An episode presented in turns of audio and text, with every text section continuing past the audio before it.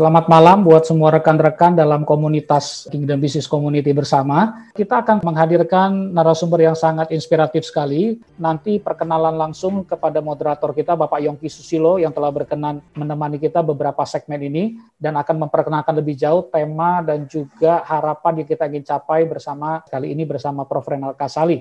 Saudara, kalau tiga kata ini sering kali menjadi kata yang secret atau yang mungkin orang nggak berani ucapkan karena ini bicara soal keadaan yang sangat stres atau kritikal sekali, Mayday, Mayday, Mayday. Buat yang belum tahu, ini ditemukan tahun 1923, Frederick Stanley Bockford dari seorang senior radio, radio officer yang menemukan kata ini. Akhirnya kata ini dipakai di kapal kapal laut, pesawat, dan juga dalam berbagai situasi kehidupan. Saya kira kita juga semua pasti banyak yang mengalami dalam era ini situasi darurat, situasi krisis dalam pekerjaan, entah kita sebagai pengusaha maupun profesional. Dan tentunya sebagai umat beriman, kita mengingatkan kembali setiap agama pasti mengajarkan kita, channel kita, media kita, secara perspektif spiritual, kita juga ada yang harus kita lakukan. Dalam aspek ini, perkenankan saya melalui iman Kristiani kepada teman-teman, memberikan sebuah dorongan ingatan, salah satu yang dikatakan berserulah terus kepada Tuhan, karena Tuhan pasti menjawab kita dan akan memberitahukan kepada kita hal-hal besar yang tidak terpahami, yakni hal-hal yang tidak kau ketahui ketika kita punya perspektif spiritual, ada hal-hal yang manusia tidak bisa selesaikan, tapi kita yakin perjalanan spiritual kita ini akan memberikan pengaruh juga dalam perkembangan masa depan pekerjaan dan bisnis. Tetapi hari ini kita akan melihat juga perspektif praktikalnya, ya. Sebuah organisasi Federal Aviation Administration, mereka meminta semua ingin menerbangkan pesawat pramugari harus ikut yang namanya Crash Survival Training Program. Yang menarik mereka keluarkan survei 10-80-10 10% akan muncul di tengah krisis dalam crash survival training ini dikatakan 10% muncul sebagai pemimpin, 80% ternyata freezing atau membeku, kaget karena tiba-tiba terjadi situasi krisis, 10% punya perilaku negatif atau counterproductive. Hari ini kita berharap dengan inspirasi bersama Prof. Renald, kita bisa menggeser, mencairkan 80% yang kita mungkin masih ada yang terjebak stuck belum ada jalan keluar di dalam era ini, di dalam tantangan ini dengan inspirasi, kreativitas, pengalaman, exposure dari Prof Renal, kita berharap dapat studi kasus juga inspirasi yang bisa menolong kita bergeser menjadi pemimpin dan masuk ke kategori yang paling kiri 10 orang.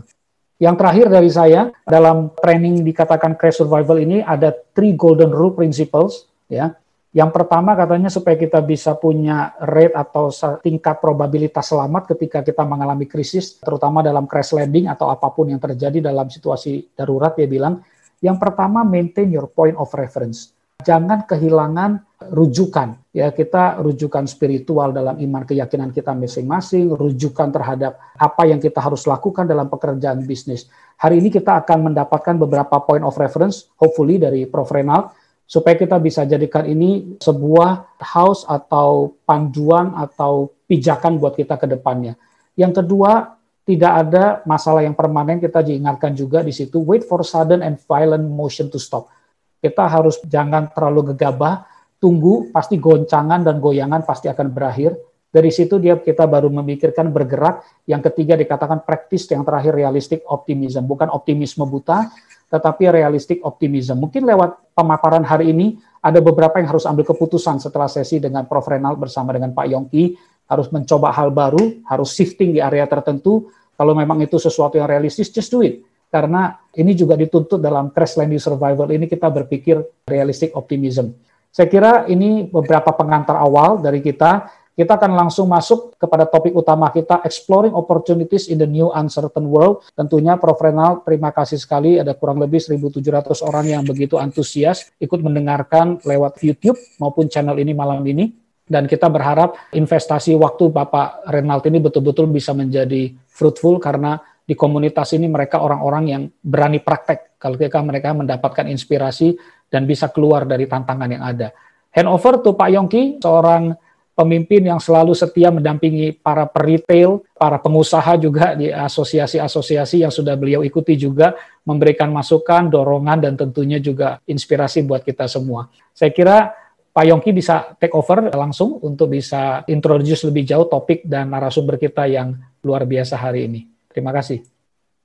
Ya, selamat malam. Terima kasih Julian. Selamat malam ke semua komunitas daripada KBC, juga teman-teman. Ya, banyak alumni di sini juga dari Kanisius Selamat malam semua, lantas juga dari beberapa komunitas lain seperti CEO, NKRI dan seterusnya di sini. Uh, ada juga teman SM, teman SD saya di sini kepala sekolah gitu loh. Jadi kita di tempat berkumpul hari ini kita mau sesuatu yang yang sangat luar biasa, makanya kita mendapat satu guru ya. Jadi ini guru kita semua juga ya, guru besar dari FFUI, Prof. Renald Kasali ya, yang mana alumni Kanisius juga di sini ya.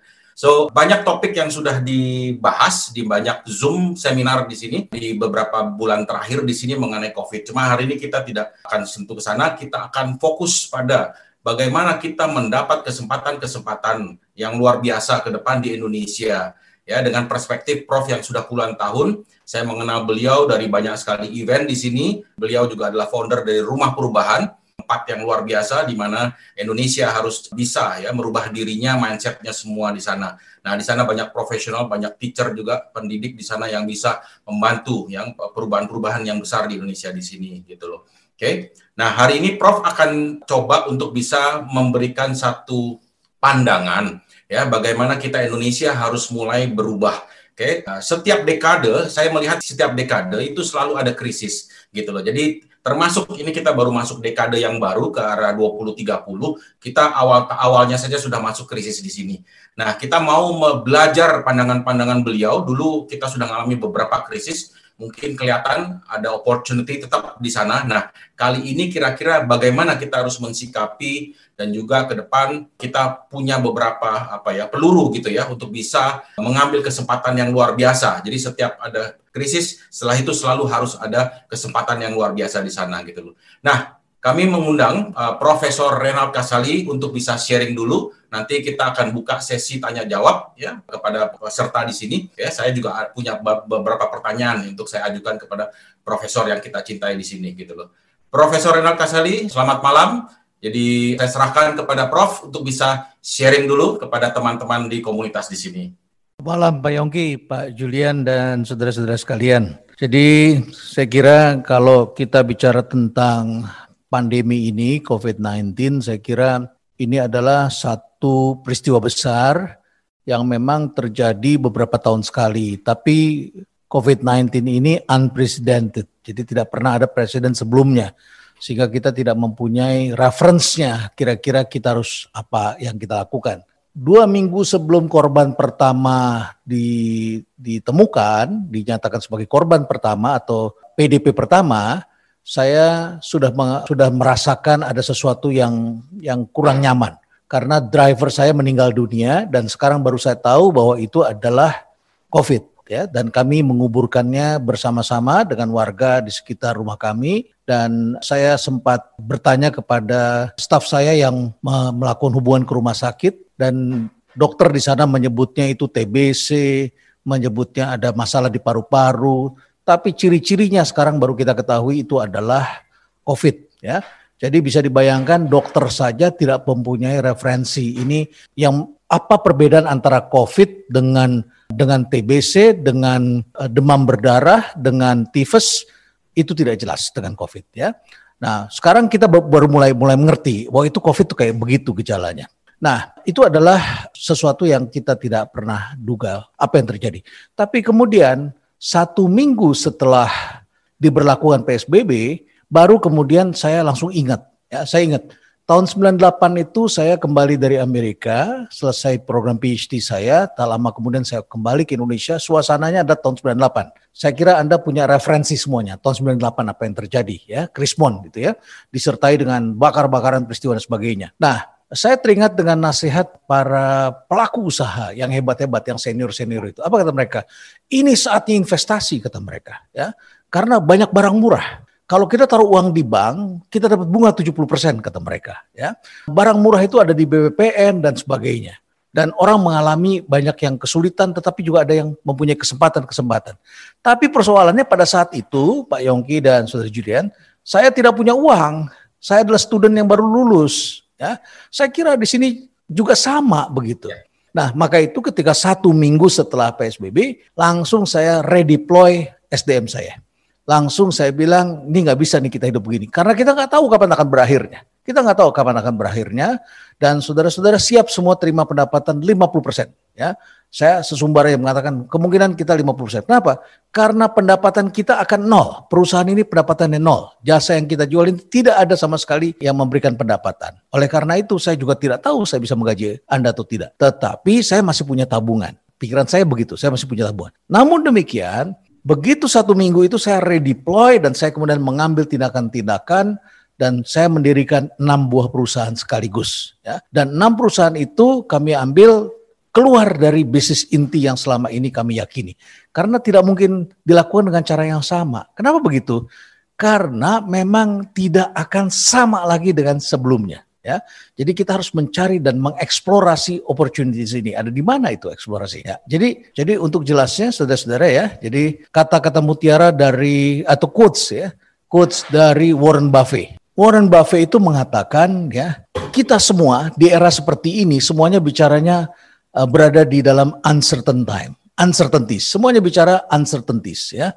Uh, padahal dia bilang katanya all time is uncertain. Jadi siapa bilang kali ini kita berada di era uncertainty? Dia mengatakan bahwa all time is uncertain dia bilang ya. Kita harus sadar betul-betul bahwa setiap waktu itu adalah uncertain. Jadi dia bilang it was uncertain back in 2007 ketika kemudian terjadi subprime mortgage crisis pada waktu itu ya. Kemudian juga eh, ketika terjadi 9/11 itu juga uncertain dan sebelum-sebelumnya termasuk hari ini kita juga eksplorasi lagi situasi yang disebut dengan uncertain. Nah, saya putar satu video ya. Ini hanya beberapa detik saja ya. The world will never be the same after 2020. This may well be the most pivotal moment in our generation's history in terms of the social and economic changes that are on the horizon. So much so that in the future, people will talk about the world before 2020 and the world after.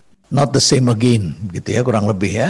Jadi uh, orang mengatakan 2020 ini tidak sama dengan sebelumnya. Nah, jadi gimana kita melihat dunia ini? Menurut hemat saya, kita selalu memiliki tiga zona waktu. Biasanya kita asik mengelola, kalau kita belajar manajemen, kita mengelola perusahaan kita, kita mengelola organisasi pemerintahan kita, apa pun juga, itu acuan kita adalah hari ini, ya hari ini, the present. Yang kita kelola apa? Kita hanya bandingkan antara budget dengan actualnya. Seperti apa? Banyak yang mengatakan bahwa telekomunikasi sangat diuntungkan. Saya ingin kasih tahu sama Anda, itu nggak benar itu. Ya, kalau Anda duduk di belakang meja, Anda tidak eksplor dunia real, Anda berpikir benar. Yang diuntungkan adalah dunia telekomunikasi. Karena sekarang semua orang pakainya telekomunikasi. Ya, tapi jangan lupa Indonesia ini ada enam pemain. Persaingannya sangat ketat. Harga data di Indonesia adalah harga data yang termurah di dunia. Ya, salah satu yang termurah di dunia.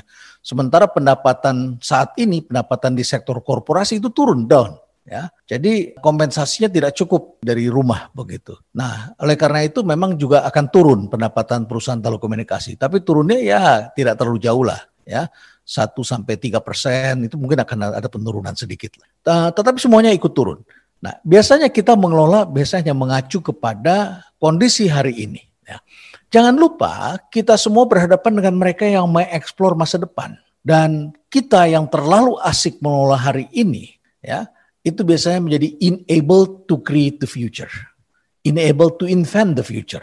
Tidak mampu menciptakan masa depan baru. Padahal pelaku-pelaku disrupsi itu sudah menciptakan sesuatu yang baru. Apalagi ada pandemi seperti ini. Langsung mereka menunggangi gelombang dan menemukan hal-hal baru. Dan pasti akan diciptakan produk-produk yang lebih baru lagi. Dan jangan berpikir startup itu berakhir. Akan muncul banyak sekali startup yang masuknya adalah ke bioteknologi. Karena itu masa depan baru juga ada di sana. Ya. Tetapi juga pematangan di uh, dunia IT-nya pasti akan terjadi. Nah, di lain pihak ada hari ini, ada masa depan. Di lain pihak apa yang kita kerjakan hari ini itu dibentuk dari pemahaman kita di masa lalu. Jadi apa pun yang kita lakukan hari ini itu dibentuk dari pemahaman kita atau sekolah kita di masa lalu, the past. Dan celakanya kita sering kali enable to escape from the past. Tidak mampu keluar dari perangkap-perangkap masa lalu. Ini banyak sekali orang yang seperti ini. Yang paling berat itu memang pekerjaan seperti saya ini menjadi seorang akademisi.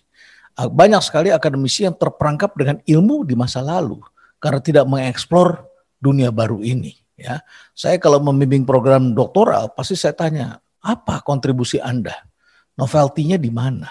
Ya, dan saya tidak ingin Anda bikin transformational leadership tetapi pakai acuan yang lama. Saya ingin transformasi dari 3.0 ke 4.0. Apa kontribusinya? Ini beda loh perusahaan pada masa itu dengan masa sekarang. Kalau dulu semuanya serba capex.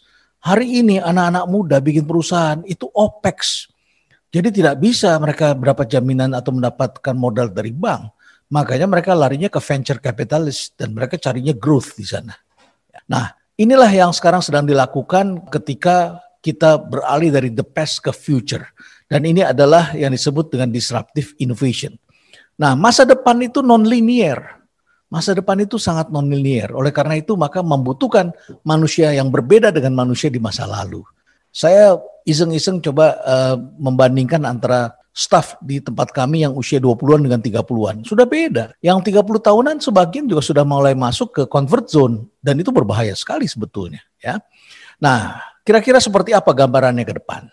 Banyak yang mengatakan akan terjadi yang disebut global collapse dengan indikatornya adalah restriksi globalisasi yang kedua akan terjadi. Yang pertama itu adalah 9/11 Ya, jadi 9/11 itu membuat kita kalau pergi ke Amerika membutuhkan waktu minimal tiga jam. Dulu dua jam cukup. Ya, dulu dua jam cukup. Kita diperiksa dulu sepatu tidak harus dilepas. Sekarang harus sepatu harus dilepas. Keluar dari berangkat dari Amerika keluar sepatu harus dilepas, ya, jaket dilepas. Banyak sekali hambatan-hambatan. Antrian jadi panjang, luar biasa semakin ketat dan kita bisa dilakukan pemeriksaan uh, secara random begitu. Jadi after 9/11 memang um, waktu itu menjadi kita menjadi lebih ketat lagi ya.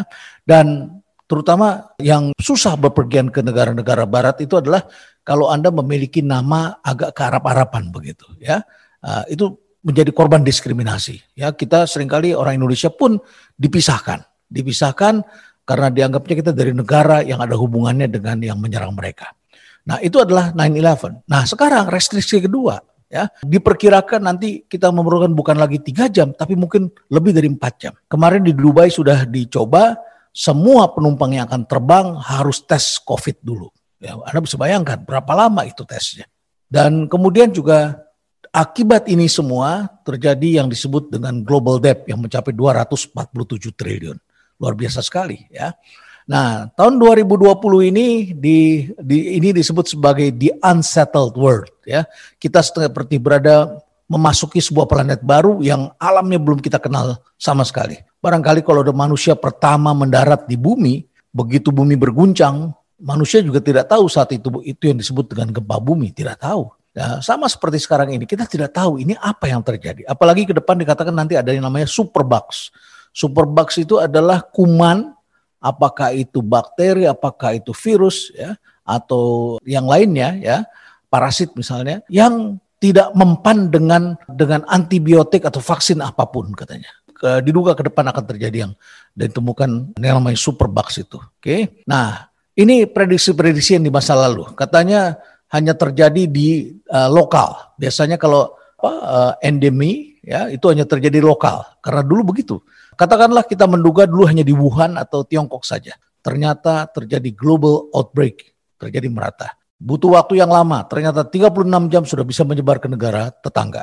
Kemudian dikatakan tidak mematikan, ternyata mematikan. Menyerang orang tua, ternyata juga banyak orang muda yang kena. Dampak ekonomi terbatas, ternyata sebaliknya. Harga saham diperkirakannya turun 10%, ternyata turunnya cukup besar. Ya, Global ekonomi hanya turun setengah persen katanya. Ternyata lebih dari dua persen bahkan bisa terjadi. Bisa terjadi empat persen juga turun. Ya, Jadi katanya musim panas akan berhenti. Sebagian orang mengatakan belum tentu, bisa juga berlanjut katanya. Ya, Jadi ini kita lihat dari tahun 80 sampai 2013 ada 12.012 outbreaks yang dicatat oleh WHO berdampak di banyak negara. Banyak kan lokal-lokal ya lokal-lokal banyak terjadi. Seperti kita DB terjadi di kita tidak terjadi di negara yang di negara barat misalnya ya. Nah ini antara lain contoh-contohnya ya di, dan sifatnya dulu masih agak sedikit regional. Nah outbreaks ini terjadi 36 jam sekali, 7.000 uh, outbreaks bisa terjadi potensial setiap bulan dan 80% umat manusia bangsa-bangsa tidak siap, tidak siap, berhenti mencibir karena bukan hanya kita yang tidak siap, Donald Trump juga tidak siap. Ya. Ini pada waktu 21 hari pertama itu sudah indeks saham gabungan seluruh dunia sudah turun 20 persen. Ya, sekarang Bahkan beberapa saham sudah turun sekitar 40 persen. Tapi kalau dibandingkan dengan krisis tahun 2008, subprime mortgage crisis, itu turunnya dalam waktu 517 hari. Hampir dua tahun dia turunnya, sekitar 56,8 persen. Nah, jadi kita bisa simpulkan selama pandemi ini terjadi 8 buah shock. Yang pertama ini travel and entertainment semua kegiatan entertainment dan travel terganggu dan bahkan rugi. Tidak bisa membayar, eh, tidak bisa menutupi biaya variable sekalipun. Termasuk yang dahsyat itu adalah Olimpiade ya di Tokyo. Sudah ditunda, kemudian juga Liga Italia, Liga Eropa, Liga Inggris semua ya NFL, NBA dan sebagainya semua sudah ditunda. Kemudian juga terjadi retail and manufacturing shock, kemudian debt ini yang mengakibatkan harga saham di perbankan banyak yang terjun bebas seperti itu. Ya. Karena apa? Karena diduga banyak UMKM yang tidak mampu uh, mencicil hutangnya. Kemudian terjadi globalization karena terjadi xenophobia. Kemudian currency shock terus sudah terjadi. Kemudian trust terhadap negara kemudian berubah. Pemimpinnya harus bermanuver, bisa berubah, tetapi kita pengamatnya juga tidak siap dengan perubahan itu. Kemudian ada supply change ya karena ini banyak negara-negara yang tidak bangun supply chain-nya sendiri dan kemudian supply chain-nya menyebar di beberapa negara. Cina berhubungan dengan Vietnam, berhubungan dengan Thailand, berhubungan dengan Indonesia, berhubungan dengan Jerman dan sebagainya. Jadi begitu Cina kena, Jerman juga masalah, tidak ada produknya. Kemudian kalau kita melihat kapal dilarang masuk sehingga kemudian barangnya bahan baku tidak ada di beberapa negara. Kemudian juga otomatis terjadi demand shock ya sejumlah produk juga mengalami penurunan. Ini kita lihat Pak Yongki perilaku manusia sebelum Covid dan pada saat terjadi Covid dibandingkan dengan nanti setelah Covid ini beda perilakunya ya. Kalau sebelum Covid itu manusia selalu menyangkal lah kan hidupnya lagi enak ya dan kita cenderung underestimate. Kita bilang Indonesia selamat karena banyak makan rempah-rempah ya. Di Tiongkok dikatakan banyak makan bawang putih, bawang putih dan apa minyak wijen katanya begitu ya. Kata sebagian orang ya kalau benar begitu ya nggak ada terjadi COVID di sana karena mereka setiap hari makan pakai bawang putih begitu ya. Jadi manusia memang selalu menyangkal ketika sebelum terjadi. Tetapi begitu terjadi sebaliknya kita ini menjadi overestimate. Overestimate artinya kita melebih-lebihkan, melebih-lebihkan keadaan. Ya, kita gak percaya dengan angka yang ada. Angka yang ada itu bukan hanya berbeda 100%, tapi kalau perlu berbeda 1000% begitu. Ya, kita punya kecenderungan memburuk-burukan keadaan. Ya, nah karena kita keluar dari dari namanya zona convert ya, convert zone, ya, masuk ke dalam yang disebut panik panic zone. Ya, kita masuk ke area itu dan biasanya itu ditandai dengan reaksi-reaksi untuk menyelamatkan diri masing-masing, reaksi-reaksi untuk berpikir yang sifatnya adalah sangat sektoral. Ya, dokter hanya melihat dari kacamata kedokteran, kesehatan melihat hanya kacamata kesehatan, orang matematika hanya melihat pada model matematika saja, orang ekonomi hanya melihat dari sisi ekonomi saja. Padahal kita harus melihatnya multidimensi dan menghadapi model yang uncertain ini. Dan celakanya ahli di Indonesia yang masuk ke dalam bidang multidisiplin dan uncertain ini prediksinya tidak banyak ya. Dan di post COVID kita melihat manusia akan mulai nanti terbiasa hidup dengan lebih realistik dan pada waktu pre-COVID kita lihat perilaku kita adalah consumption dan lifestyle ya sangat lifestyle hidup kita dan kita senang dengan barang-barang bermerek ganti-ganti model ya. Berapa dua tahun sekali kita ganti mobil setiap tahun kalau perlu ganti ponsel ya. Beli pakaian juga kita bergaya dan lain sebagainya. Bepergian juga terasa sekali pesawat murah terasa sekali ya. Nah selama covid kita lihat orientasi konsumsi lebih banyak kepada kesehatan. Post COVID, orang mulai confident dengan teknologi. Akan tampak sekali bahwa orang akan sangat confident dengan teknologi. Nah, sekarang kita lihat di sini ya. Dibutuhkan enam kecerdasan baru yang sangat penting sekali. Dan kami di rumah perubahan langsung bikin tes dan langsung kami terapkan dan bangun kecerdasan-kecerdasan baru ini. Yang pertama adalah yang disebut dengan technological intelligence. Ya. Jadi kecerdasan technological. Ya, ini penting sekali. Ya, bayangkan kalau pegawai kita sudah ja, uh, duduk punya jabatan, punya kecenderungan dan gajinya sudah lumayan, punya kecenderungan mereka nggak mau lagi utak atik sendiri, nggak mau utak atik sendiri. Serahkan pada orang lain dan akhirnya secara teknis dia tidak begitu bagus. Padahal semakin user friendly dan begitu kita terputus, kita tidak akan bisa uh, kembali lagi dengan cepat. Karena basic modelnya kita sudah ketinggalan. Saya teringat ketika dulu saya kuliah di Amerika, semua profesor saya bisa mengoperasikan komputer yang pada saat itu masih sangat complicated, ya, tidak user friendly. Semuanya bisa. Semua profesor bisa fotokopi buku sendiri, ya, tidak tidak tinggal suruh-suruh orang begitu. Nah, kita punya kecenderungan begitu umur 30-an, ya sudah. Padahal di sini technological intelligence ini artinya apa? Understanding and make use and amplify the power of rapidly emerging technologies and its impact. Jadi bagaimana kita bisa memanfaatkan teknologi. Oke. Yang kedua, dibutuhkan kecerdasan sosial dan emosional. Saudara-saudara lihat semakin banyak milenial yang panasan di lapangan dan tidak bisa mengontrol emosinya. Teknologi internet ini membuat manusia tidak cerdas dengan lingkungan sosialnya. Tidak peka karena mereka berhubungan dengan benda mati dengan komputer di depannya. Mereka menjadi tidak punya keahlian untuk membangun hubungan dengan orang lain mereka lupa bahwa kalau ditangkap oleh polisi diberi peringatan polisi sekarang sudah membawa CCTV ya ada CCTV bergerak direkam kita dan saudara boleh ngomel-ngomel, saudara boleh menang, polisinya boleh takut dengan saudara. Tapi saudara, perilaku saudara akan viral dan saudara akan malu sendiri ketika diketahui orang lain bahwa saudara tidak bisa mengontrol diri saudara sendiri. Kita lihat apa yang terjadi di Bogor belum lama ini. Saya kira bukan hanya milenial, juga orang-orang tua ini sekarang mulai terasa tidak memiliki kecerdasan emosional dan sosial, tidak bisa mengendalikan emosinya. Ngomong sembarangan, memuji dirinya berlebihan dan menyalahkan orang sembarangan. Saya punya teman usia 70 tahun lebih ya pernah menjadi pejabat tinggi tetapi kalau bicara saya tidak melihat dia mempunyai kecerdasan seperti ini.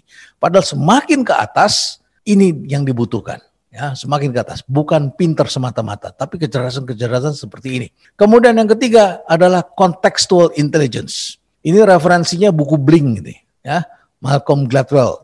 Dia mengatakan berkunjung ke satu museum melihat ada suatu barang antik dipamerkan datang dari Mesir Katanya ini adalah peradaban Mesir pada abad sekian. Tapi ada satu orang yang langsung bisa sekali melihat saja sekelebat mata dia bilang itu palsu. Ya, dia mempunyai jam terbang, pengalaman, pengetahuan yang cukup tinggi sehingga dia bisa menangkap apa yang terjadi di konteks itu. All in blink in a blink of eye katanya. Ya, jadi kita bisa dengan cepat begitu. Nah, keempat moral intelligence. Bagaimana kita menggunakan set of values Ya, bagaimana kita menggunakan set of values? Kita punya nilai-nilai. Jangan lupa bekerja itu harus punya nilai-nilai. Karena orang mengikuti kita karena nilai-nilai kita. Pemimpin yang paling puncak yang diikuti orang itu adalah moral intelligence. Nah, apa hubungannya? Ini berempat nih. Apa hubungannya dengan bisnis? Dulu pada waktu saya masih muda, Pak Yongki dan Saudara Julian, saya berpikir saya nggak punya uang, jadi saya nggak bisa maju gitu. Saya nggak punya modal, saya bukan anak siapa-siapa. Tapi sekarang saya melihat bisnis itu menjadi gampang atau mudah, ternyata penyebabnya adalah kepercayaan. Ya, kita bisa mendirikan perusahaan dengan cepat dan bisa cepat dapat customer adalah karena kepercayaan. Jadi modalnya itu adalah kepercayaan, integritas. Tapi sebaliknya, bisnis saya tidak berkembang kalau saya tidak mempunyai kepercayaan. Jadi intinya adalah ini moral intelligence gitu ya. Jadi ini sangat mendasar sekali. Kelima ini generative intelligence ya. Jadi mampu menangkap opportunity dari ide-ide baru seketika begitu ya walaupun dalam keadaan yang sulit. Nanti saya cerita gimana ini ya. Yang keenam harus memiliki kemampuan eksploratif transformational ya, eksploratif, kecerdasan eksploratif transformational. Mampu mengeksplor dan kemudian membelokkan sehingga kemudian kita bisa mentransformasi membawa ke tujuan yang yang mulia itu, tujuan yang baik itu, the new future. Nah, saya ketemu dengan beberapa orang yang, waduh saya sudah lama uh, di rumah tidak bisa melihat kesempatan di mana. Saya bilang yuk kita explore ya.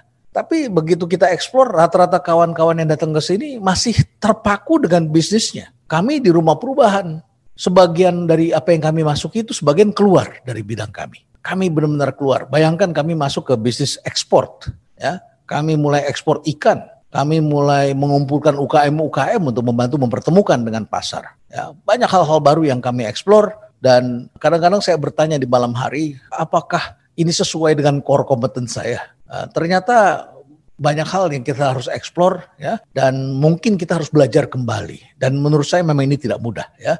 Memang tidak mudah. Nah saya tunjukkan pada anda apa yang saya maksud dengan eksploratif. Dengan mengambil contoh perjalanan pada awal abad 20 ketika dunia mulai berkenalan dengan dunia eksplorasi. Ini adalah kisah bagaimana bangsa-bangsa besar ingin menancapkan benderanya di kutub selatan. Mereka sudah mengenal kutub utara, tapi mereka belum mengenal kutub selatan. Dan akhirnya setelah sayembara itu dilakukan, yang lolos sampai kemudian babak akhir ini adalah dua bangsa. Inggris, ini adalah bangsa penjelajah yang selalu unggul, dan satu lagi adalah Norwegia yang tokohnya ada dari Inggris namanya Robert Scott, seorang tentara, seorang prajurit angkatan laut, dan Amundsen, seorang penjelajah. Ya, apa yang membedakan mereka? Scott Robert, wah saya beruntung dapat videonya ini. Jadi jadi tim Inggris ini datang ke Kutub Selatan lewat New Zealand, mereka membawa kendaraan itu adalah kuda poni. Karena tentara itu ketika menjelajah memang turun dari kapal laut itu bawa kuda pakai kuda. Mereka jalan pakai kuda. Berbeda dengan apa yang dilakukan oleh Amundsen, bagaimana dia memitigasi risikonya, bagaimana dia melakukan eksplorasi menghadapi uncertain. Ternyata apa yang terjadi? Kuda-kuda ini ternyata tidak mampu lewat di es, banyak membeku, dan akhirnya tentara-tentara ini, prajurit ini tidak bisa menunggangi kuda, bahkan mereka menuntun kuda,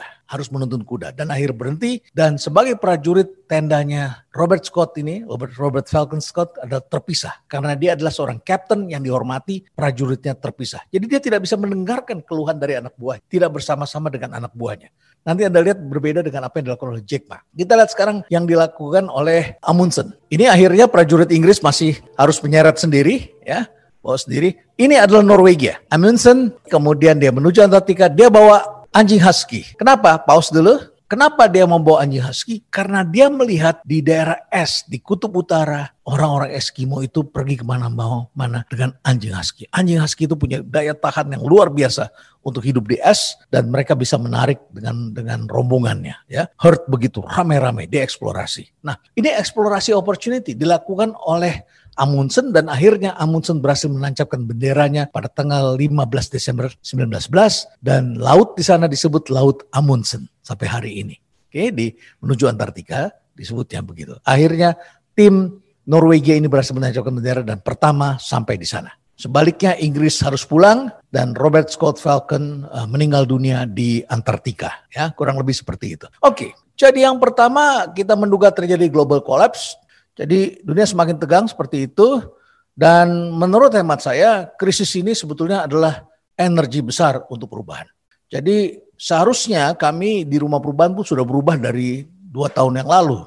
Tapi kita delay terus karena kita sibuk untuk melayani customer yang cukup banyak begitu ya. Kita tidak melakukan itu. Tetapi ketika sekarang ada waktu untuk istirahat, ini kita mendapatkan energi. Nah, energinya apa? Energinya ini adalah antara rasa sakit dengan rasa takut. Kalau belum datang di depan mata itu krisis, itu cuma ada rasa takut saja, ya, rasa takut. Rasa takut itu potensi, sedangkan rasa sakit itu real. Nah, hari ini dengan pandemi ini, kita sebagai pelaku usaha, ini yang ada rasa sakit kecuali Anda di sektor makanan, makanan tertentu ya, kesehatan ya, kesehatan tertentu. Anda Rata-rata sekarang semuanya mempunyai rasa sakit yang lebih besar dari rasa takut. Kalau rasa takut Anda masih lebih besar dari rasa sakit, artinya rasa sakitnya belum seberapa lah begitu. Maka tidak ada energi untuk berubah. Tetapi ketika rasa sakit kita melebihi rasa takut kita, ini akan menjadi sebuah kekuatan besar untuk perubahan. Nah, ini yang terjadi dengan Jack Ma.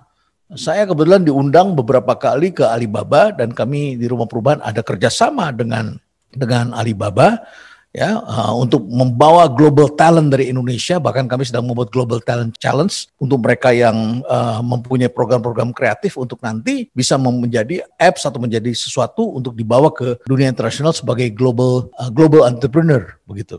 Nah, kami ketika berkunjung ke sana dan bertemu dengan Jack Ma yang sedang melaksanakan Family Day di sana, di ruang eksplorasi Alibaba itu kami melihat ya bahwa Alibaba itu didirikan tahun 99 dan Jack Ma mengalami kegagalan dan dia bilang sama murid-muridnya, ini murid-muridnya. Jadi saya sekarang juga dengan murid-murid saya di rumah perubahan ini, ah, dengan menti-menti saya. Jadi dia bilang dengan murid-muridnya, tahun ini kita susah, tahun depan pasti lebih susah kata dia. Tapi nanti tahun berikutnya mudah-mudahan kita tidak akan susah. Jadi kita harus mau susah dulu. Jadi saya juga berikrar sekarang. Sudahlah, kalau semua waktu itu pasti uncertain. Yang kedua, kita harus mau susah. Karena faktanya juga mau jadi guru besar itu juga tidak mudah, mau jadi uh, dosen yang baik juga tidak mudah, mau jadi direktur juga tidak mudah. Apa yang mudah? Ya, semakin tinggi uh, pangkat yang Anda mau capai, nggak nggak ada yang mudah. Anda mau usaha juga tidak mudah pasti. Ya, nah tapi tiba-tiba dia mendapat momentum ketika terjadi SARS, wabah SARS tahun 2002-2003. Nah, di Hangzhou, di um, di Shanghai, begitu ya. Banyak orang yang tidak bisa pesan makanan dan dia bisa melayani, uh, dia bisa melayani dengan layanan telepon, telekomunikasi. Ya. Nah, Ibu Susi juga begitu. Susi ini, Ibu Susi ini punya pesawat ini, ya, dia uh, bawa untuk mengambil ikan hidup karena ikan itu kalau ikan asin ikan murah ikan segar ya sudah mati, harganya masih kalah dengan ikan hidup. Dia cari lobster, dia cari ikan hidup ke berbagai pulau-pulau kita dengan menggunakan pesawat ini. Tapi ternyata begitu dia mau masuk ke Aceh terjadi tsunami dan kemudian dia robah haluannya katanya untuk menjadi uh, menjadikan program humanitarian. Nah, ketika melakukan program humanitarian itulah dia kemudian uh, menemukan banyak sekali volunteer-volunteer internasional dan lokal yang tidak bisa terbang karena tidak ada pesawat. Dan semuanya memerlukan pesawat kecil karena juga airport itu landasannya putus, ya, uh, pesawat besar tidak masuk, dan akhirnya kemudian dia juga mengangkat penumpang di antara uh, benih-benih ikan yang diangkat. ya Dan akhirnya kemudian Susi Air pada waktu itu uh, merubah haluan tidak hanya menjadi pesawat untuk mengangkut ikan, tetapi juga untuk mengangkut penumpang dan pulau-pulau terpencil. Ini juga terjadi pada waktu dari krisis. Sama dengan ini, Nutella. Anda tahu coklat itu adalah makanannya orang kaya. Tetapi Ferrero, ya seorang uh, pengusaha dari makanan dari Italia, kemudian membuat ini, ya membuat uh, coklat bukan dari coklat tapi dari nuts, ya uh, dari hazelnut. Hazelnut. Saya kalau makan ini kemungkinan besar saya kena asam urat ini karena nutnya terlalu kuat. Ya. Nah, tapi uh, ada coklat ya, coklatnya tidak banyak. Ya. Nah, dulu ini sebenarnya adalah cara murah untuk menyajikan rasa coklat kepada mereka yang tidak bisa beli coklat. Tapi sekarang kita lihat Nutella ini harganya mahal ya diminati oleh kelas menengah ke atas. Ini tahun 46, tidak lama setelah Perang Dunia Kedua dan juga dihasilkan juga uh, peanut butter ya peanut butter. Jadi uh, peanut butter itu peanut butter itu uh, dibuat untuk um, uh, dibuat untuk um, uh, memberikan uh, protein kepada mereka yang tidak beruntung. Tidak beruntung karena tidak mempunyai akses terhadap protein ya. Maka kemudian diberikan protein nabati ya berupa kacang itu Demikian pula jelly. Jelly itu dari ampas wine sebetulnya dibikin. Jadi kalau kita perhatikan, ini memang disrupsi ini. Saya perlu waktu sekitar lima menit lagi Pak Pak uh, Pak Yongki ya. Nah, jadi setelah saya perhatikan, memang pelopornya semua tadinya adalah UKM. Jack Ma juga tadinya UMKM. Nah, sama juga dengan yang lain semua. Uh, yang keempat, tren yang keempat akan semakin shifting ya, semakin shifting. Manusia semakin confident dengan teknologi pasca COVID manusia akan semakin confident ya. Kemudian yang eksis itu apa? Yang eksis adalah mereka yang memiliki kecerdasan menggunakan teknologi ya. Nah, ini yang disebut dengan teknologi intelligence tadi. Jadi yang paling penting itu adalah sebetulnya adalah eksplorasi terhadap skill masa depan ya. Oleh karena itu kami di rumah perubahan sekarang juga membuat sesi-sesi baru yang berbeda. Karena ini outbreak berdatang bersamaan dengan yang disebut dengan disrupsi tadi. Bahkan different people manusia yang diperlukan ke depan. Transformasi itu harus ada pada tiga area, ya. Transformasi organisasi, bisnis, dan teknologi. Di dalam organisasi itu termasuk adalah di dalamnya adalah manusia, kurang lebih seperti itu. Jadi saudara-saudara, saya mempunyai 20 kriteria. Nanti uh, kalau saudara berkesempatan kita bahas pada kesempatan lain ya. Ini ada 20 poin, tapi saya baru bisa membahas baru sampai ke berapa ini? Kelima begitu ya. Nah, oleh karena itu maka sebagai penutup Pak Yongki yang perlu dipahami adalah bahwa kita ini selama ini berada di zona nyaman begitu ya. Selama ini kita di zona nyaman begitu. Nah, dari zona nyaman itu kita juga harus bergeser. Nah, keluar dari zona nyaman itu ya Dan dari zona nyaman itu biasanya kita cenderungnya ya kalau kita lifestyle, kita menikmati pertumbuhan, kita konsumsi yang biasa, kita berpikir tidak akan terjadi lagi hal-hal yang tidak kita duga begitu ya. Nah, itu adalah seperti ini. Dan jangan lupa orang yang nyaman itu ketika diceritakan ada shifting, ketika diceritakan ada yang baru begitu, mereka selalu mengecil-ngecilkan, dikecil-kecilkan, bukan itu ya menyangkal dan jangan lupa itu juga ada nyinyirnya di situ. Kebanyakan kita yang berpengetahuan nyinyir ya. Padahal pengetahuan yang tadi saya bilang the best, the best ya. Uh, sementara after COVID ini the future yang sebagian sudah terjadi sebetulnya sudah bisa kita lacak. Untung ada teknologi. Coba bayangkan kalau tidak ada teknologi digital, ya, tidak ada shifting, Anda bisa bayangkan apa yang terjadi. Nah, dari sini biasanya manusia begini Pak Yongki, jadi fear atau panic. Caranya adalah apa? Borong, borong beras, borong ya. toilet paper, uh, borong perabotan kantor, ya. Uh, kemudian manusia jadi sensitif, ya, boros dan lain sebagainya.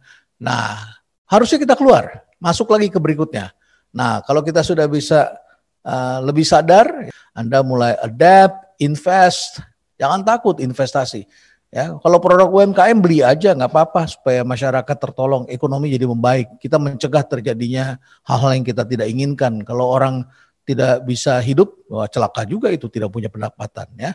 Uh, kita mulai eksplorasi dan punya komitmen-komitmen baru. Nah, nanti baru kita masuk lagi ke tahap berikutnya yang disebut dengan growth. Habis itu balik lagi ke convert pasti. Kira-kira begitu Pak Yongki, barangkali ini sebagai pengantar dulu. Nah kalau di sini menurut saya kita sudah mulai masuk ke dalam era yang lebih susah. Ya saya nggak takut masuki segala yang susah. Karena bagi saya uh, jarang sekali hal yang gampang. Saya sekolah juga susah, jadi guru besar juga susah, Ya, saya uh, sekolah berangkat ke Amerika juga tidak mudah, tapi sekali saya bisa pegang grab di sana, saya akan terus dengan mudah begitu ya. Hari ini pun saya ternyata masuk ke zona berikutnya ya susah-susah gampang lah ya karena uh, ya tabungan sedikit-sedikit tentu ada begitu ya, tetapi yang paling penting adalah selama orang percaya sama kita, waduh itu suatu kebahagiaan besar. Saya kira itu modal kita untuk keluar dari zona kepanikan ini. Kira-kira begitu Pak Yongki. Ya, saya kembalikan Pak Yongki. Tepuk tangan untuk Saudara Yongki. Terima kasih. Terima kasih. Saya tepuk Kembali. tangan buat Pak Yongki. tepuk tangan buat Prof dong. luar biasa. Ya, ya, luar biasa Prof gitu. Waduh, ini kalau dengar cerita ini Prof ini storyteller yang luar biasa Prof. Ya, itu yang diperlukan di zaman sekarang, ya kan? Prof, ini dalam zaman kayak begini sudah banyak PHK. Jadi ini pengusaha menanyakan, ya, untuk memulai lagi gimana ya, Prof? Nanti ini hal-hal apa yang saya mesti persiapkan dengan perubahan-perubahan ini? Dan yang penting adalah PHK saya sudah PHK semua, dia bilang gitu loh. Ini mulai lagi susah, dia bilang. Nah ini saya rasa inilah gambaran banyak sekali dari pengusaha-pengusaha Indonesia yang sekarang, Prof mau nggak mau karena cash flow negatif mereka harus mulai rumahkan dulu dan terakhir ya udah PHK di sini gitu loh. Jadi mereka lagi mencari satu pegangan gimana untuk bisa membuka kembali nih usahanya di sana gitu loh. Yang simpel-simpel mungkin Prof bisa dikasih tipsnya. Ya, yang melakukan PHK ada dua pihak.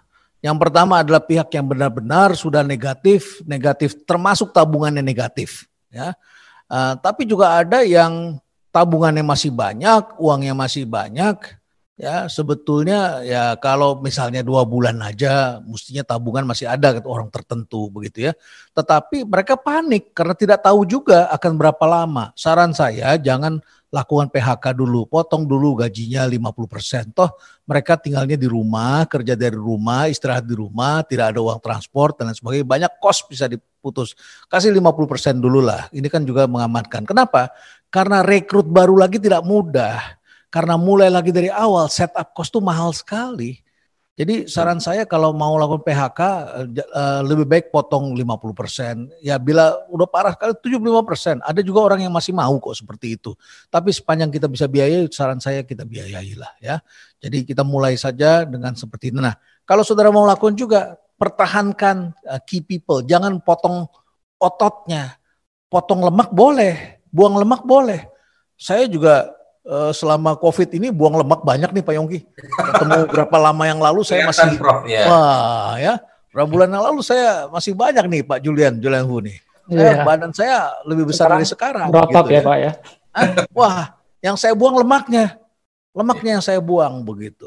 Ya, saya minta bantuan orang, kasih tahu saya dong, saya mesti makan apa. Buang lemaknya. Ah, lemak sih nggak apa-apa. Tapi kalau otot saya saya potong, ya, saya operasi, saya nggak bisa nulis, saya nggak bisa berjalan, celaka itu. Jadi orang-orang utama yang key people jangan jangan anda korbankan ya. Ajak ngomong aja. Saya juga ajak ngomong kepada staff saya. Kalau terjadi berlarut-larut saya nggak bisa nih. Udah saya ancam. Tapi last minute nggak jadi juga saya saya lakukan itu begitu ya. Ya gitulah kita manusia karena kita harus punya moral intelligence, kita harus punya itu. Ya sepanjang kita punya kita punya tabungan lakukan itu karena itu penting sekali. Ya. Gitu Pak Yongki. Ya setuju. Oke, Prof satu pertanyaan lagi nih. Uh, kita ya. lihat change, oke? Okay? So prinsipnya change ya. Nah jadi ada orang tua yang menanyakan, Prof ini gimana change buat anak-anak muda ke depan apa kira-kira ya? Eh, motor yang akan menjadi motor apa namanya ekonomi kita Indonesia apa ke depan. Jadi mereka bisa kita giring ke sana dia bilang. Ya, jangan memasuki sesuatu yang sudah populer hari ini. Jadi kalau kita masuki sesuatu yang populer, saya kira kita akan kalah dengan orang yang sudah memeloporinya dari awal. Jangan gunakan sepatunya orang lain, gunakanlah sepatu diri sendiri. Nah, satu. Yang kedua, ya, pekerjaan apa pun menurut saya baik asal jadi yang terbaik dalam bidangnya. Saya di Fakultas Ekonomi juga bukan masuk di jurusan yang paling paling berkilauan, paling diminati banyak orang. Saya ambil pokoknya saya tanya kenapa Anda nggak mau ambil jurusan yang saya ambil? Mereka bilang susah. Kok saya gampang, saya ngerti. Oh, tandanya kemungkinan besar nih bagi saya ini saya peg bisa pegang nih. Udah saya nggak mau dengar orang bilang mau mau dibilang pinter, mau dibilang nggak pinter, mau dibilang bodoh saya tidak menjalankan karena ikutin orang, tapi saya ngikutin suara hati saya dan saya ingin jadi yang terbaik di situ. Nah, jadi menurut saya ya, kalau Anda maksa juga pada bidang apa, bidang ke depan itu adalah bioteknologi. Ya, bioteknologi. Ya karena ini adalah sesuatu yang biologi ini akan leading, akan memegang peranan yang besar. Tapi bioteknologi tidak bisa lepas dari ya ilmu-ilmu tadi, ilmu-ilmu yang terkait dengan teknologi ini, uh, nanoteknologi, kemudian IoT, dengan dunia internet ini yang terbaru-terbaru ini, 5G ini dan sebagainya, saya kira itu jadi satu nanti melebur ke situ. Tapi bioteknologi adalah termasuk hal yang akan sangat penting. Indonesia kaya dengan kekayaan alamnya yang luar biasa, tetapi kekayaan nabatinya ini, kekayaan apa hayatinya ini luar biasa sekali. Jadi kita bisa ekspor di sana, Pak Yogi. Jadi saya kira post COVID orang akan sangat concern terhadap masalah kesehatan dan lingkungan. Itu poinnya. Ya, oke, okay, baik. Nah, pertanyaan ketiga ini, so prinsipnya banyak yang semangat nih, Prof, untuk change gitu ya. loh. Tapi bagaimana, dari mana mulainya melatih diri kita dan orang-orang dalam organisasi kita untuk bergerak keluar dari zona nyaman? Dari kita dulu dong. Ya. Dari kita dulu. Kita mengharapkan orang lain berubah, ya nggak susah. Orang lain itu melakukan sesuatu itu kalau disuruh, diperintah, disindir, ya beda dengan orang kalau inisiatif sendiri. Rasa memiliki ada, kemudian membangun bersama-sama supaya kita volunteer. Nah kalau sekarang kita suruh orang berubah, pertanyaan pertama adalah ya kamu kan enak, kamu yang mimpin. Dapat apa-apa ya kamu yang dapat penghargaan. Saya dapat apa katanya. Saya dapat apa? Saya kan nggak dapat apa-apa. Jadi melakukan perubahan itu harus dari inisiatif dari orangnya. Nah, caranya bagaimana? Caranya memang manusia harus di-challenge, harus dikasih challenge, dikasih tantangan. Gak bisa tuh perubahan itu cuma satu kali. Begitu Pak Yongki. Ya, mantap Pak. Ya. Ini Pak Yongki supaya tandem juga. kalau tadi Pak Yongki kan pertanyaan kognitif ya Prof, karena ya. terkait ya. relevan topik. Kalau saya ini pertanyaan suara hati rakyat nih Prof. Hmm. Karena ada 26 yang sudah memilih, kalau saya nggak tampilkan nanti kita dikeluhkan lewat WA. Ini pertanyaan tadi tentang yang masalahnya produk UMKM lokal kita mau lakukan, tapi kalau harga jauh lebih mahal dan kualitas lebih jelek dari import gimana dong? Seperti sebagai konsumen kan prinsipnya prinsip ekonomi yang berjalan. Ini saya nggak tahu nih Prof, apakah karena ketidakpercayaan terhadap produk lokal, tapi ini mungkin kenyataan yang dihadapi di lapangan. Eh, perspektifnya gimana Prof? Saya juga uh, dihadapkan itu oleh para manajer di kantor saya. Saya kan sebagai komisaris utamanya PT Telkom menerima surat edaran dari uh, Menteri BUMN, ya pra, um, Permen BUMN bulan Desember dikeluarkan kalau 25% produk lokal harus ada keberpihakan. Tetapi ketika saya bawa kepada para uh, direktur, mereka bilang, tapi produk lokalnya begini keadaannya, harga jauh lebih mahal, kualitas lebih jelek. Saya bilang, eh tidak ada cerita produk lokal itu langsung jadi hebat. Anda edukasi mereka. Buka hmm. aja harganya berapa. Anda beli dari luar negeri itu harganya berapa? Harga seribu. Ya. Sedangkan yang lokal kasih harga dua ribu. Anda kasih tahu, saya beli dari internasional ini seribu. Sekarang Anda harus bikin turunin harganya sampai seribu. Itu satu. Yang kedua, Anda ajarin mereka supaya mereka bisa bikin produknya sampai berkualitas. Naikin. Di edukasi, di edukasi, tunjukin. Kalau kita ada uang CSR, ajak keluar negeri, mereka supaya dibimbing bisa. Itu yang dilakukan Jepang. Jepang itu long term relationship. Makanya kita kalau mau deal sama perusahaan Jepang itu lama. Lama sekali. Kita diundang ke Jepang, mau taken kontrak. Saya udah siap untuk taken kontrak, sudah dapat deal dari sini tiga hari saya di Jepang. Hari ketiga saya pikir tanda tangan. Hari pertama saya cuma diajak makan. Hari kedua saya diajak keliling. Hari ketiga saya diajak pergi ke bar, minum dan sebagainya. Uh, terus kemudian saya tanya, kita mesti teken. Dia bilang tunggu dulu, ketemu lagi. Jadi manjang saya sampai lima hari. Besoknya ba balik ke Jakarta, ada PR yang saya mesti kerjakan. Saya perbaiki. Perlu waktu 2-3 tahun sampai akhirnya kami teken kontrak. Dia bina kami, dia kirim orang, dia perbaiki mesin dan sebagainya long term diperbaiki. Tapi once kita dapat, wah itu enak sekali. Jadi kisah Astra membangun UMKM-nya itu seperti itu. Ya, jadi kalau kita ingin uh, punya uh, produk UMKM yang bisa membantu kita, kita pun harus membantu mereka supaya derajat mereka juga naik. Begitu Pak Julian. Jadi don't complain, ini challenge buat kita semua teman-teman yang 27 nanya, mulailah jadi duta untuk up leveling atau menaikkan level uh, rekan-rekan yeah. yang jadi supplier dan partnernya. Ini yang kedua sebelum saya lempar kembali ke Pak Yongki, eh, ini banyak pertanyaan pendidikan nih karena mungkin, mungkin mereka tahu juga Prof ini banyak sekali inspirasi tentang pendidikan, ya kan? Ini tadi sebenarnya udah dijelaskan ya tentang uh, jurusan masa depan tadi Pak Yongki juga udah udah udah sampaikan. Tapi nanti kalau mau disentuh silakan. Saya mau masuk yang ketiga ini nih Pak, pekerjaan yang hilang dan tergantikan. Apa yang perlu kita lakukan untuk menghadapi pergeseran ini? Karena ada beberapa tadi yang nanya yang senada, Prof. Katanya kita disuruh belajar power of focus fokus dengan kekuatan yang ada. Itu tapi sekarang dengan disruption ini kita mesti belajar hal baru. Kuatirnya jadi tahu banyak tapi nggak dalam nggak fokus. Ini juga kan dilematis hadapi banyak profesional dan pengusaha. Silakan prof. Yang namanya belajar itu kan nggak gampang ya. Apalagi kalau anda tidak uh, kalau anda tidak tidak sepinter Einstein begitu ya. Anda barangkali samalah seperti saya. Dalam hal tertentu juga kita mengalami kesulitan-kesulitan begitu ya. Saya kira pasti Anda merasakan sulitnya. But menurut saya don't worry lah ya. Don't worry, belajar yang baru itu penting. Apa yang mesti Anda belajar lagi? Future skill. Ternyata kita udah pakai artis yang terkenal sebagai endorser kita, nggak naik penjualannya. Kok bisa begitu? Rupanya banyak sekali orang-orang belakangan kita ketahui banyak artis yang namanya terkenal, engagementnya nggak ada. Sekarang kita bedakan antara antara popularitas dengan engagement. Kita lihat, kita bedakan seperti itu. Kita belajar lagi, uang sudah keluar. Jadi menurut saya a lot of things kita jatuh bangun ini belajar tentang hal-hal baru. Ya, resepnya ada tiga. Satu adalah harus punya komitmen. Kalau punya komitmen, kita akan mulai pasti. Yang kedua harus konsisten. Kalau konsisten, itu adalah jalan supaya kita bisa menyelesaikan. Yang ketiga, itu adalah harus mau melakukan hal yang tidak mudah. Dengan melakukan hal yang tidak mudah, kan banyak orang yang tidak bisa ngikutin kita. Ya, Jadi itu saya kira rumus untuk kita belajar lagi hal-hal baru. Yang disebut the future skill, hal-hal baru. Oke, terima kasih Prof. Pak Yongki. Ya, baik ini ada satu pertanyaan juga yang menarik nih Prof gitu ya. Karena saya juga sering diskus dengan para pemain-pemain di Indonesia tuh kalau sudah lancar bisnisnya lupa membuat suatu inkubator oke okay? eksperimen baru. Nah ada yang nanya di sini mencoba sesuatu yang baru otomatis akan memecah fokus kita. Bagaimana balance supaya tidak malah membuat core bisnis kita berantakan? Jadi akan tetap pada core tapi dia bilang supaya tidak lepas fokus bagaimana Prof tetap bisa eksperimen.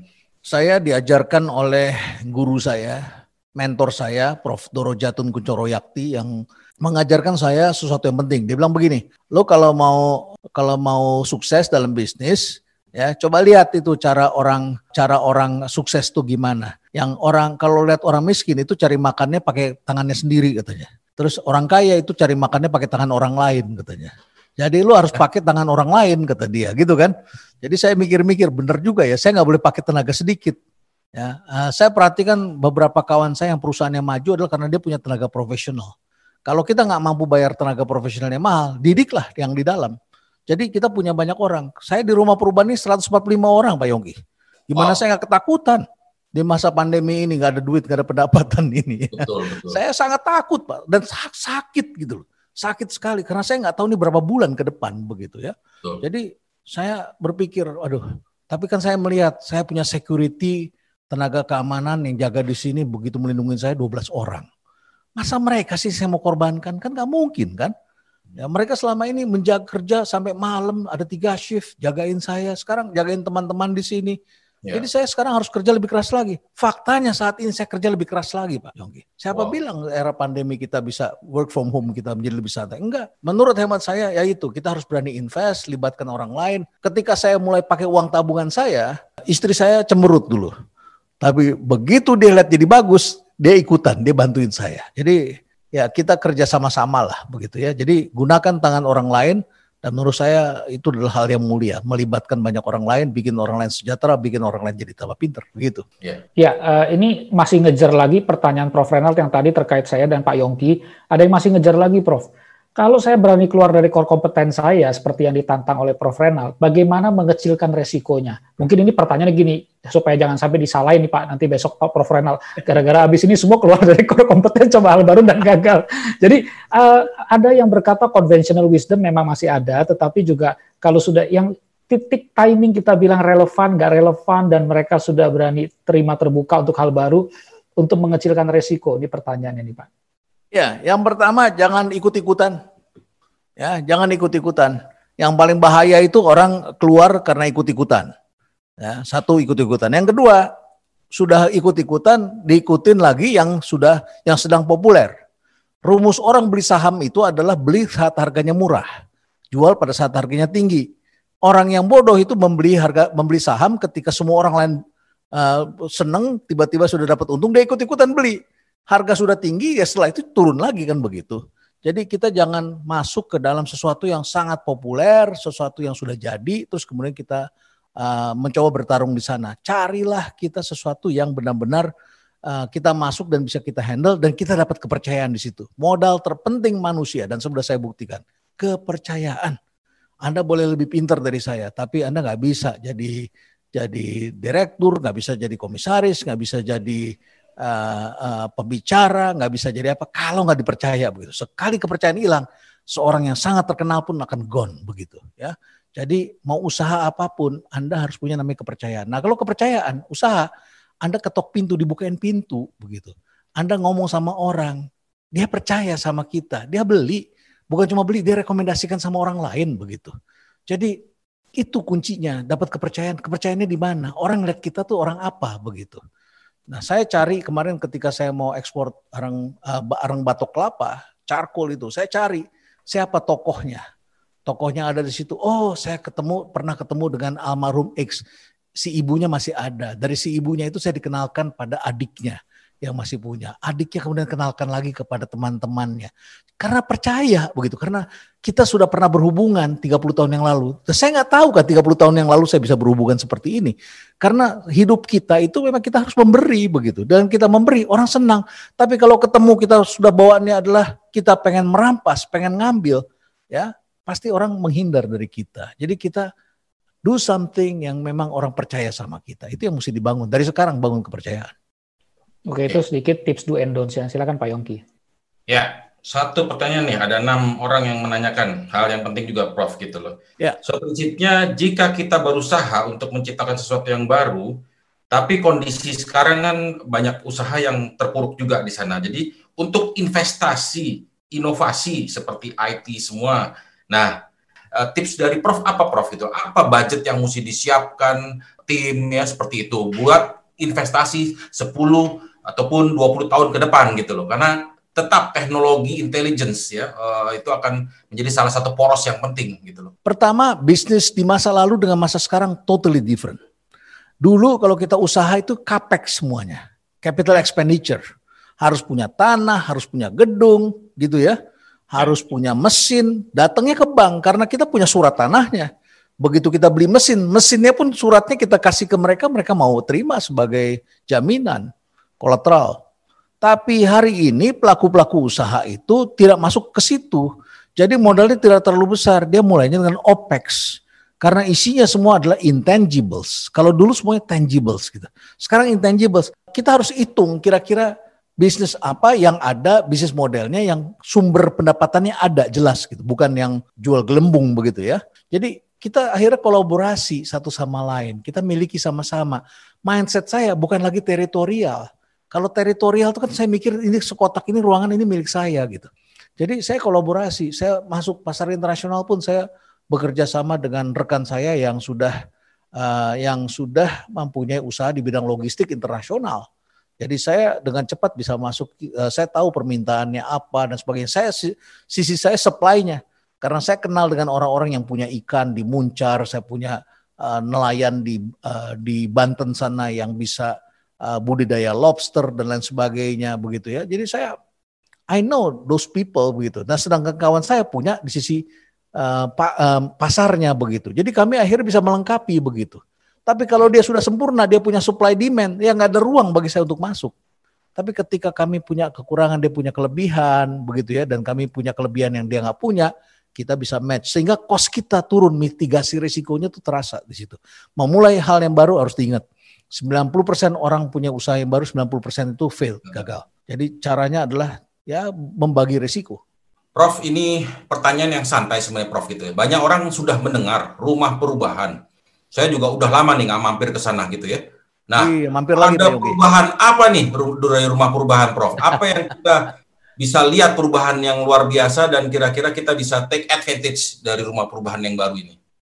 Ya, um, saya katakan tadi uh, kami mempunyai enam usaha baru gitu ya.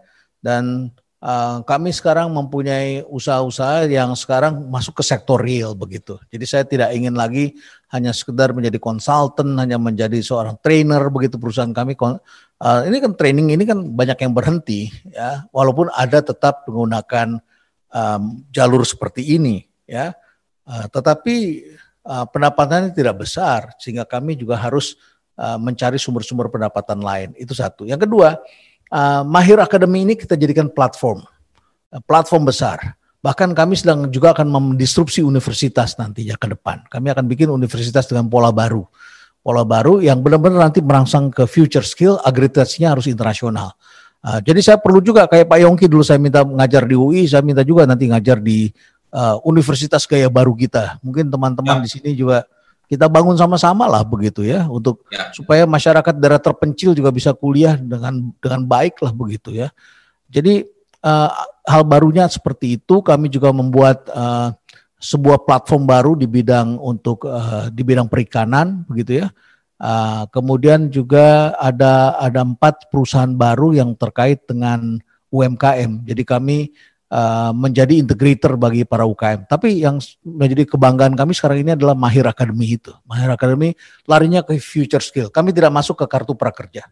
Ini idenya banyak banget deh, Prof gitu loh. So prinsipnya kalau orang mau get involved gitu ya, misalnya bisa dieksplor di rumah perubahan dengan timnya Prof gitu semua kira-kira apa stepnya nih Prof gitu ya? Uh, think tanknya seperti itu gitu loh. Mungkin mereka punya ide banyak bisnis semua sana sini. Nah gimana bisa mematangkan? Kan Prof punya banyak uh, faculty member juga di sana ya, seperti itu gitu loh. Ya tentu kita atur pertemuan. Tentu harus ada yang menyeleksi terlebih dahulu. Kalau ada hal yang kita bisa saling melengkapi ya termasuk barangkali sosial kayak bisa sinergi begitu. Apa? Apa yang bisa kita lakukan begitu? Jadi ya uh, ya saya kira kita meminjamkan reputasi kita. Uh, ya saya puji Tuhan, uh, alhamdulillah kami dipercaya begitu. Jadi kita kerja bareng. Jadi kalau ada yang bilang ini mah bukan mentorship, ini kerja. Iya, cara saya mentorship itu kita kerja bareng begitu. Yeah. Ya, Anda dapat uang, Anda dapat gaji dari apa? Dari pekerjaan Anda, dari pekerjaan itu. Tapi saya bimbing setiap hari dengan saya. Begitu. Kira-kira begitu Pak Yogi. Boleh tanya Pak tadi yang terakhir e, dari kami, Bapak kan ada kasih tujuh skill ya tadi Pak ya. Kira-kira Indonesia paling kritikal yang lemah di mana Pak? Walaupun nggak bisa digeneralisir semua, tapi Bapak kan banyak terekspos dengan data, research dan lain-lain. Lihat e, e, psikologi sosial, perilaku sosial Indonesia dari enam itu critical one or two point yang Bapak lihat we need to really invest and focus on yang mana Pak? Uh, saya kira yang sekarang menjadi perhatian saya ini adalah uh, social and emotional uh, skill ini ya social and emotional intelligence kecerdasan sosial dan emosional ini ya yeah. makin banyak orang yang sensitif mudah marah gampang melakukan judgment dan lain sebagainya begitu ya kalau moral saya kira masih banyak orang baik saya ketemu banyak sekali orang baik ya.